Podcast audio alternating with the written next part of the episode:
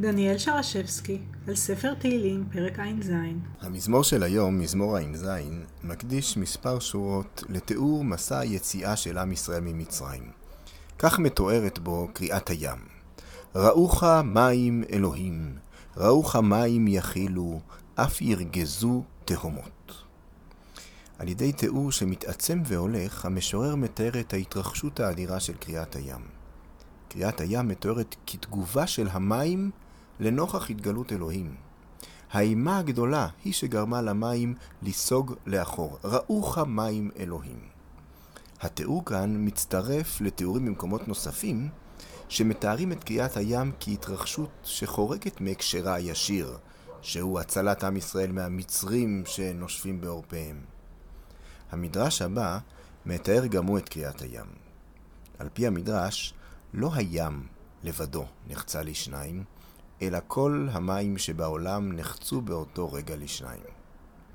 את המדרש, כך נדמה, יש לקרוא לא רק כפרשנות מקומית, אלא כשירה שמצטרפת לחגיגה המקראית סביב קריאת הים. אתם מוזמנים לקרוא את המדרש שלפנינו, או לשמוע אותו כהמשכה של שירת הים והשירות שבאו בעקבותיה.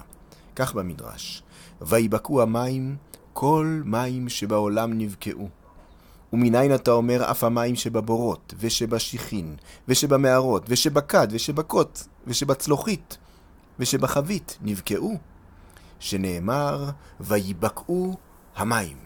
ומניין אתה אומר אף המים העליונים והתחתונים נבקעו, שנאמר, ראוך מים אלוהים, ראוך מים יכילו, אף ירגזו תהומות.